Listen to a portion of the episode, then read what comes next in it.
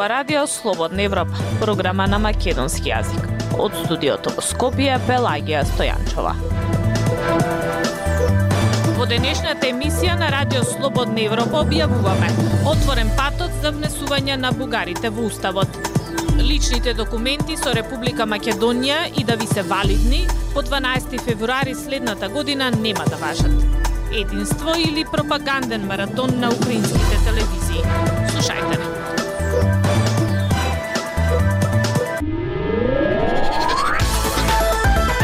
Радио Слободна Европа, светот на Македонија. Собраниската комисија за уставни прашања го отвори патот за внесување на бугарите во уставот. Опозицијските ВМРО ДПМН и Левица на првиот ден од дебатата за уставните измени се откажа од 10-дневната расправа, откако се изјаснија против измените. Ставете ги уставните измени на пленерна седница и да завршиме со оваа тема, па да одиме на избори, побара опозицијските партии.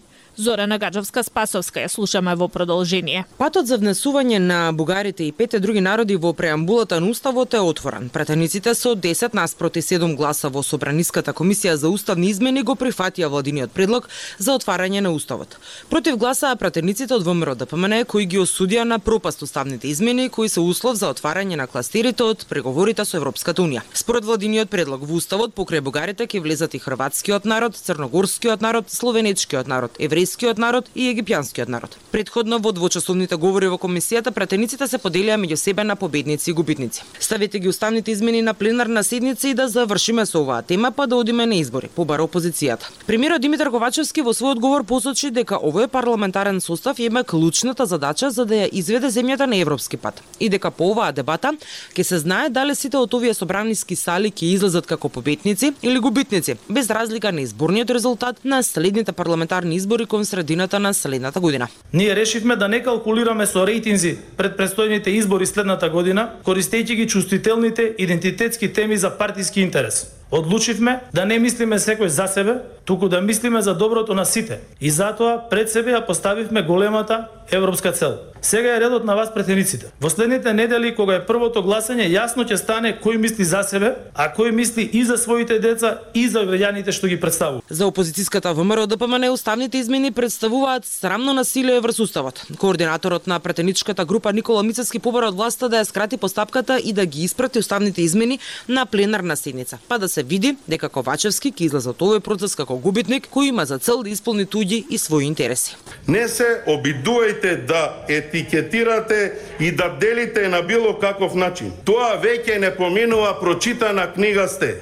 Ова е само последниот чин на вашата трагедија пред да ви се спушти завесата и да си одите кој по дома, кој по затвори. Доста беше Македонија не е на продажба. Смешно е, за некој месец ќе правиме муабе. Ковачевски вели дека останите измени не се под никаква уцена, ниту диктат и предупреди на ризикот од изолација, ако собранието е пропушти шансата да одговори на предизвикот и да донесе одлука со која ќе се исполни условот за преговори со Европската унија. Но со ова не се согласува Мицевски. Според него, ако некоја одлука е тешка за носење, не значи дека е вистинска. Пратениците од албанскиот опозициски блок, Алтернатива и Беса, рекоа дека се незадоволни од предлогот на измените на уставот, но најавија дека ќе останат на европскиот пат. Поголемиот дел одговорите на власта беа со порака дека гласот за уставните измени ќе значи за пристапување кон Европска унија. Додека опозицијата своите говори ги посвети на политички прашања кои освен уставни измени содржија обвинувања за коруптивно однесување на власта. Откако иницијативата за уставните измени го помина филтерот во комисијата, таа ќе треба да дојде на пленарна седница, која инако е закажана за 18 август. Тогаш на власта ќе треба двотретинско мнозинство, односно 80 гласа за, кое за сега во 120 члениот парламент го нема. Независни вести и анализи за иднината на Македонија на Радио Слободна Европа и слободнаевропа.мк.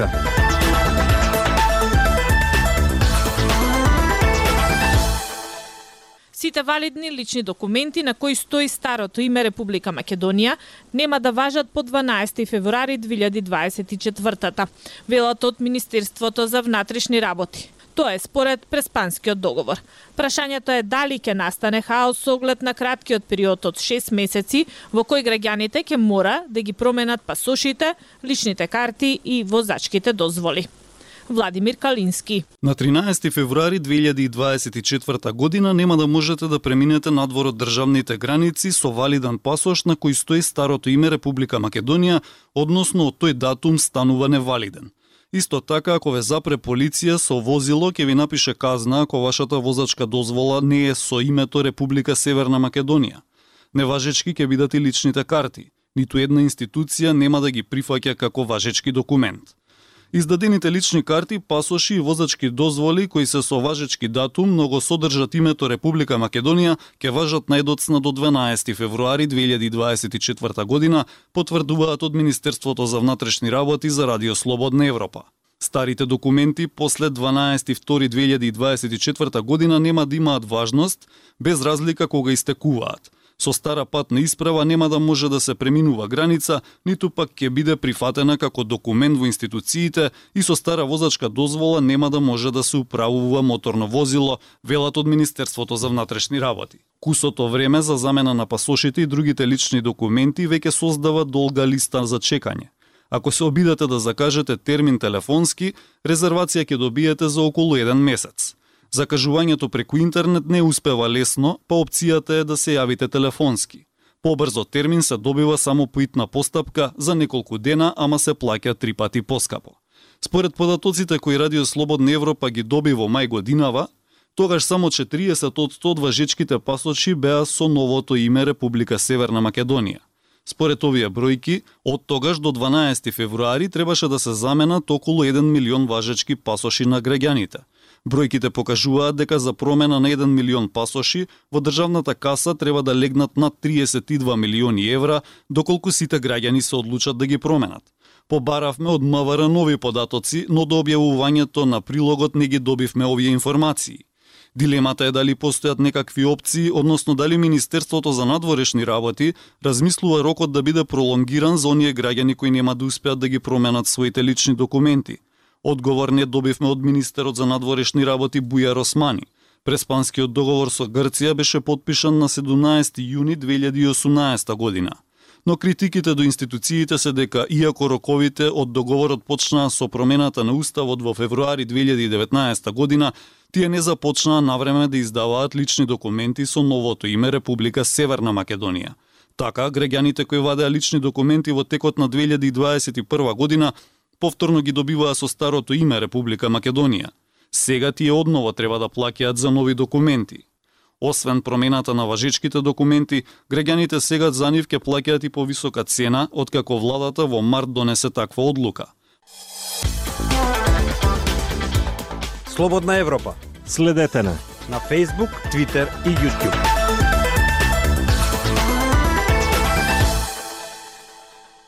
Каков е животот на луѓето со диабет, раскажува Виктор Лукарски за Радио Слободна Европа.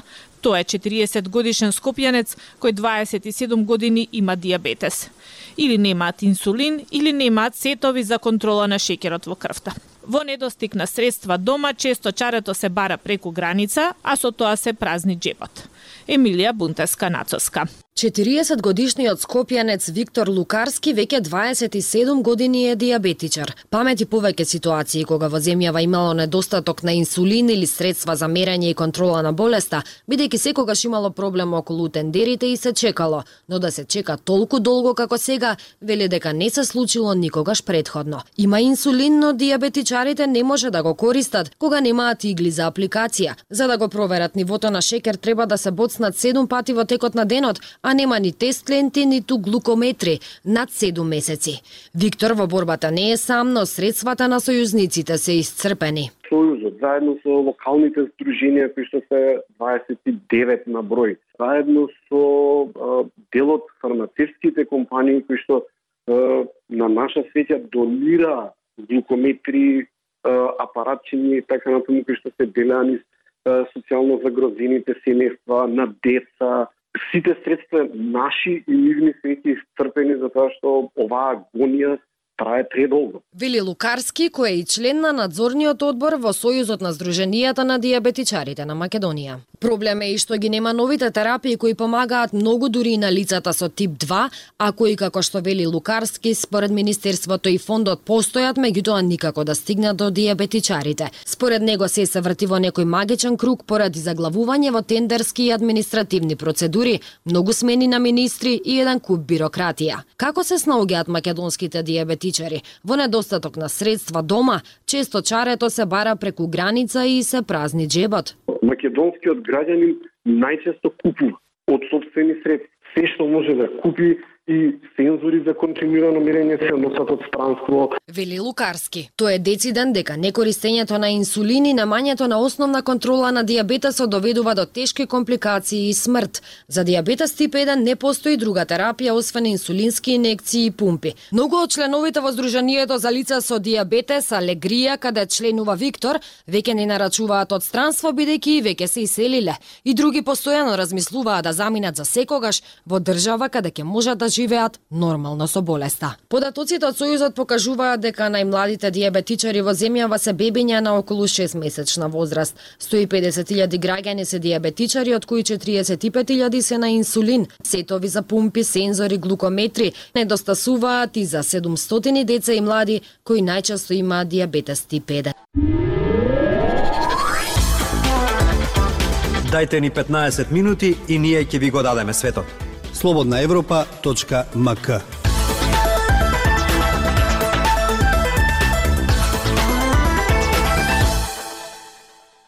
Откако Русија лани започна инвазија врз Украина. На украинските телевизии деноноќно се емитува истата програма позната како Обединети вести, Телемаратон. Вестите се во координација со највисоките државни функционери. Првишно телемаратонот се сметаше за елемент на одбрана од обидот на Русија да ја подчини Украина. Сега пак расте загриженоста за поголема контрола и влијанието на државата врз медиумите. Пренесува Тамара Дичовска. Маратонот на пропагандата стана парада на официјални обраќања и символични дискусии кои не одговараат на повеќето прашања кои ги поставуваат граѓаните на дневна особа. Напиша Катерина Серхватскова, главен уредник на независниот медиум Заборна во колумна за телемаратонот минатиот месец. На 20 јули председателот Володимир Зеленски рече дека побарал од премиерот Денис Шмихал да размисли за смена на министерот за култура и информатичка политика Александар Ткаченко, кој е клучна фигура за телемаратонот.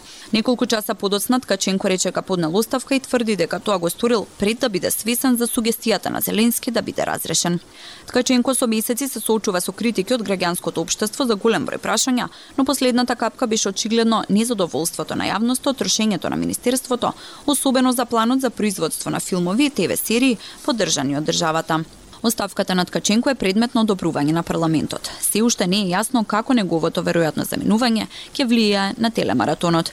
Во интервју за Радио Слободна Европа на 21 јуни Ткаченко ги отфрли критиките за неговата медиумска политика и телемаратонот, велејќи дека тоа произлегува од погрешна перспектива.